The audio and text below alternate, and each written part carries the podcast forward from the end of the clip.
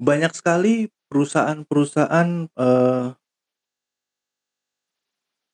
peminjaman uang gitu ya, atau, eee, dari mulai dari mulai bank, dari mulai leasing, dari mulai ada lagi sekarang yang lagi ini tuh adalah pinjaman online dan lain sebagainya itu. Nah banyak yang menawarkan, eee, sesuatu yang yang mempermudah, yang yang dengan iming-iming bukan iming-iming, maksudnya dengan dengan program-program yang yang menggiurkan gitu ya. Oke, kali ini kita akan bahas tentang cerdas dalam meminjam uang. Oke, stay tune terus, simak sampai habis dan jangan lupa subscribe dan like dan share ke teman-teman yang memang membutuhkan dan sedang ingin atau dalam keadaan kebutuhan uang. Oke, simak terus sampai habis.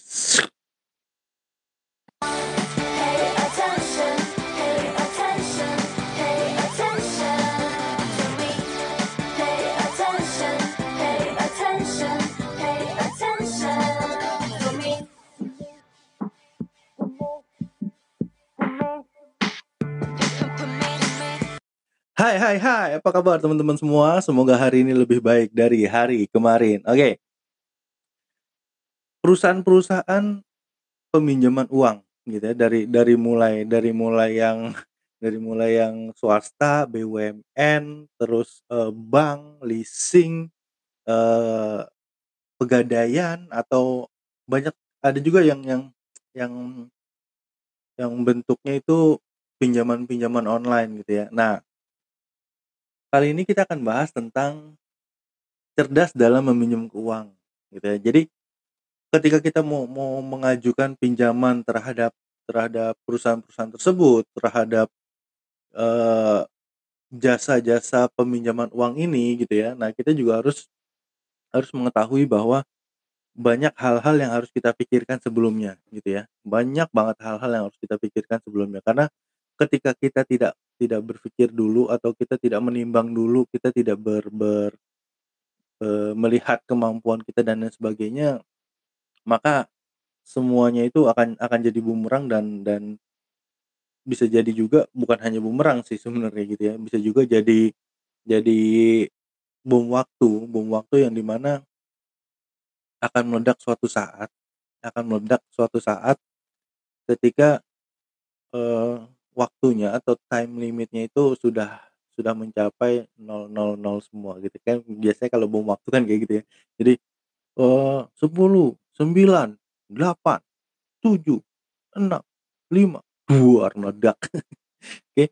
Nah, sama seperti sama seperti, eee, pinjaman pinjaman ini, pinjaman uang ini. Jadi kita harus bener-bener bener-bener me me memikirkan atau cara-cara kita cerdaslah dalam memilih memilih atau meminjam uang gitu. Sebenarnya sebisa mungkin sih menurut saya nggak nggak nggak perlu nggak perlu meminjam uang ketika kita memang memang tidak dalam keadaan sulit gitu ya. Tapi ketika kita dalam keadaan sulit ya mau nggak mau, suka tidak suka mungkin kita harus memang, eee, melakukan itu gitu ya. Nah pinjaman-pinjaman ini banyak sekali modelnya banyak sekali modelnya gitu ya, dari dari bank yang yang yang berbunga, sampai dari bank yang syariah dan lain sebagainya gitu ya. Ada juga koperasi, ada juga, eee, kalau kita beli kendaraan itu, eee, via finance atau leasing gitu ya. Nah, bank-bank pun juga banyak sekali gitu, ada bank swasta, bank bank pemerintah gitu. Nah, dengan berbagai macam dengan berbagai macam eee, promosi, dengan berbagai macam eee, program gitu ya. Nah, terkadang banyak juga yang tergiur oleh program-program yang ditawarkan gitu ya. Tapi seperjalanannya, se se waktu perjalanan kreditnya itu malah jadi bumerang buat kita gitu ya, yang sampai sampai di dikejar-kejar debt collector-lah, sampai sampai ditagih-tagih lah, sampai datang ke rumah dan lain sebagainya gitu ya. Nah, banyak hal juga yang yang yang harus diperhatikan adalah seperti misalkan kayak pinjaman online. Nah, itu juga, eee, harus bener-bener kita pikirkan gitu. Jadi banyak banget yang yang pinjam online akhirnya jadi jadi terlilit oleh pinjamannya itu gitu dan akhirnya give up dan, eee, sampai bukan hanya give up sih, sampai malu malu sama sama sama pekerjaan, sama sama orang-orang kantor dan lain sebagainya gitu. Nah nah pinjaman-pinjaman itu juga bener-bener harus kita eee, sikapin, harus kita pilih dengan cerdas gitu ya. Nah, bagaimana cara ketika kita menyikapi pinjaman-pinjaman yang memang kita membutuhkan, kita bener-bener butuh untuk untuk pinjaman itu untuk untuk untuk kita gitu, misalkan beli kendaraan atau misalkan kita beli beli aset seperti properti dan lain sebagainya, gitu ya. Nah poin-poinnya ini harus bener-bener di di dicermati, di di ditelaah, di di apa ya, di dilihat bener-bener gitu ya, dari kemampuan dan lain sebagainya. Nah, yang pertama adalah ajukan pinjaman sesuai kebutuhan. Jadi, misalkan kita memang butuh butuh pada saat itu untuk, eee beli sesuatu gitu ya. Nah, jangan melebihi itu. Kenapa? Karena ketika melebihi itu, teman-teman akan akan akan tergiur sama sama uang yang yang di yang didapat, yang dikasih gitu. Jadi akan beli beli yang beli yang aneh-aneh, beli yang enggak-enggak gitu ya, beli akhirnya akhirnya uang tersebut malah dipergunakan untuk bukan hanya untuk kebutuhan itu, tapi untuk memenuhi bukan kebutuhan, tapi keinginannya juga harus terpenuhi gitu.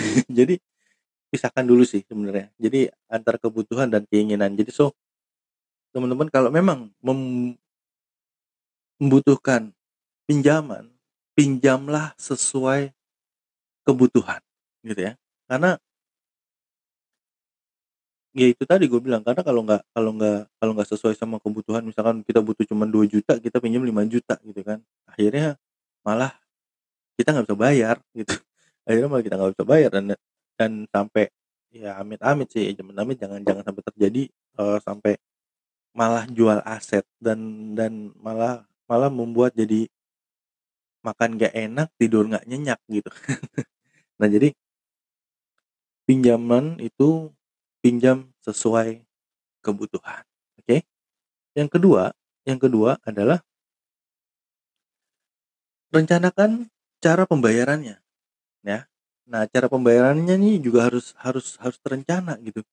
Karena kalau kalau nggak terencana, ya itu tadi balik lagi akhirnya, eee, sampai kita tidak bisa bayar, sampai di di di di ditagih-tagih sama bank, sampai di, eee, kejar-kejar debt collector, sampai ganti nomor dan lain sebagainya. Akhirnya ya itu tadi balik lagi, makan nggak enak, tidur nggak nyenyak gitu kan. Nah, ketika ketika kita melakukan melakukan hal yang sudah terencana gitu, misalkan, oh, eee saya mengajukan pinjaman Rp5.000.000 misalkan ya, eee, gaji saya itu Rp5.000.000 berarti saya bisa bisa membayar dalam waktu berapa lama nih, gitu ya. Nah, uang spare dari gaji saya ini untuk bayar pinjaman ini, eee, kira-kira berapa ya? Nah, itu itu yang yang membuat kita jadi merencanakan merencanakan, eee, sebuah pembayaran da untuk pinjaman kita gitu ya. Nah ketika sudah terencana seperti itu, yakinlah bahwa teman-teman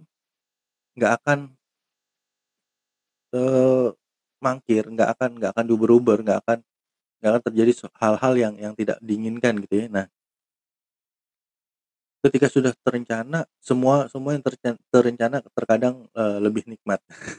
Semua yang terencana ya semua yang terencana itu terkadang lebih memang lebih nikmat gitu ya. Jadi apa yang kita rencanakan, sebuah pembayarannya, konsep pembayarannya, sistem pembayarannya yang kita rencanakan karena karena kemampuan kita, nah itu kan akan lebih baik akan lebih baik daripada tidak direncanakan sama sekali.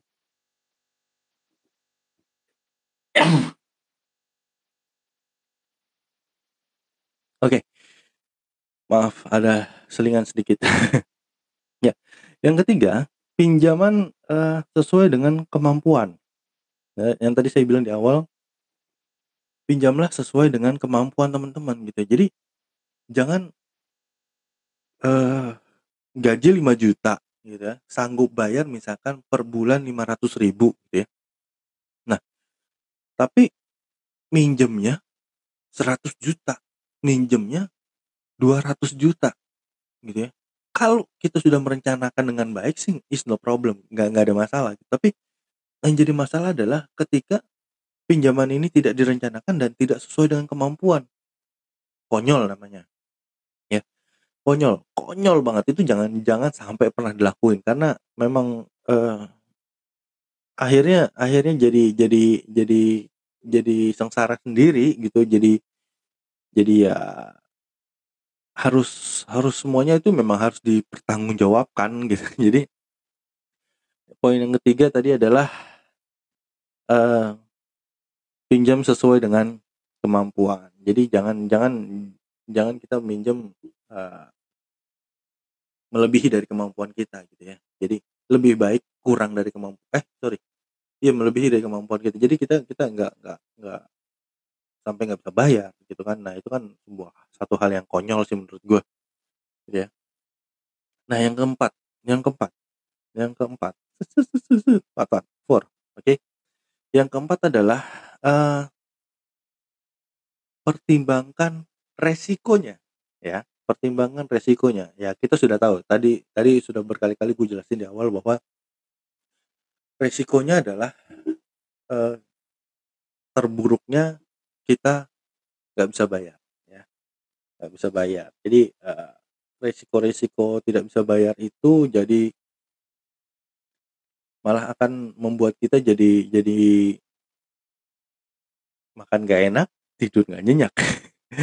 Balik lagi. Ya jadi, eee, bener-bener harus dipertimbangkan resikonya. Misalkan gini, eee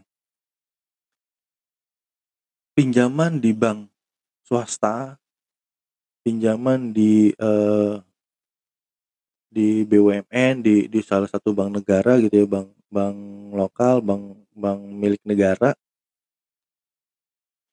misalkan dengan, eee, bunga sekian gitu ya. Nah, kita juga bisa mempertimbangkan resikonya gitu ya. Nah, berbeda dengan ketika teman-teman melakukan pinjaman secara online. Nah, pinjaman online ini, eee, buat gua suatu hal yang baru gitu ya, tapi beresiko tinggi.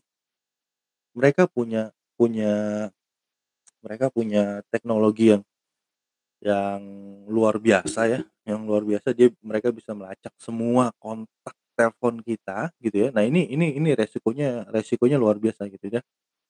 Nah, kontak telepon yang ada di kita itu akan mereka hubungi. Gitu ya, akan mereka hubungin dan mereka akan bilang bahwa, eee, si A ini debitur kita nggak bisa bayar. Akhirnya, "Oh si A punya hutang?" Nah, apa jadinya ketika kita punya kontak 1000 orang, maka akan 1000 orang yang tahu, bahkan lebih dari 1 orang bisa bisa bisa berpencar lagi ke 10 orang, bisa berpencar lagi ke ke berbagai orang gitu ya. Nah, dari situ akhirnya bukan hanya bukan hanya tanggungan kita yang nggak yang kita nggak bisa bayar gitu ya, malah sampai dengan sosial gitu. Jadi malu malu malu sosial gitu. Jadi akhirnya mereka kita tetap ditagih bayar, tapi kita juga dipermalukan secara sosial gitu. Nah ini kejam banget sih menurut gue, asli kejam banget menurut gue dan memang kita harus harus bener-bener, eee, pertimbangkan dulu resiko apa yang yang kita terima ketika kita melakukan pinjaman-pinjaman itu, terutama pinjaman online. Jadi teman-teman memang bener-bener harus melihat ketika bener nggak sih kita bener-bener, eee, ingin minjem gitu ya, dan lain sebagainya, oke. Nah yang terakhir, yang kelima yang kelima adalah, eee pastikan pastikan perusahaan peminjaman uangnya itu sudah terdaftar di OJK. Ya, sudah terdaftar di OJK, jadi Otoritas Jasa Keuangan. Nah itu sangat-sangat membantu untuk, eee, perlindungan data konsumen dan lain sebagainya ya. Jadi minimal, eee, perusahaannya ini perusahaan aman gitu ya, bukan perusahaan abal-abal, bukan perusahaan yang yang di mana akhirnya kita jadi jadi konyol gitu ya, dari bunga berbunga bunga berbunga akhirnya nimbun jadi besar jadi besar yang jadi kitanya juga bener-bener sanggup nggak bisa bayar gitu, bener-bener akhirnya ya nggak bisa bayar udah mau gimana. Akhirnya aset lah dijual atau, eee, kepunyaan kita lah dijual, apalah yang kita jual gitu ya. Nah bener-bener harus harus kita perhatikan bahwa perusahaan ini, perusahaan peminjaman uangnya ini adalah perusahaan-perusahaan yang memang legal, perusahaan-perusahaan yang memang aman dan minimal perusahaan ini sudah terdaftar di OJK, Otoritas Jasa Keuangan dari negara kita ini ya. Nah itu yang terakhir dan, eee pesannya adalah pikirkan dulu deh, pikirin dulu, pikirkan dulu bener-bener kita ingin minjam uang ini untuk apa, kegunaannya, untuk, eee, sesuatu yang memang urgent kah atau tidak urgent gitu. Jadi pastikan bahwa kalaupun bisa kalaupun bisa nggak nggak perlu nggak perlu kita minjem lah menurut gua. Kalaupun bisa nggak perlu kita pinjam. Ya, karena apa? Karena ketika kita eee, ada satu dan lain hal yang memang memang kondisinya tidak bisa tidak bisa melunasi atau tidak bisa membayarnya, akhirnya kita yang terbelit sama hutang, gitu ya, terbelit sama hutang. Jadi, eee, teman-teman perhatikan 5 5 poin tadi ya, 5 poin yang membuat kita cerdas dalam meminjam uang, oke? Cerdas dalam meminjam uang, kita juga bisa me-manage, eee, keuangan keuangan kita dengan baik, sehingga hidup kita juga lebih tenang, lebih nyaman, dan lebih santai, oke? See you on the next episode dan see you on the next video, and semoga hari ini lebih baik dari hari kemarin. Bye-bye.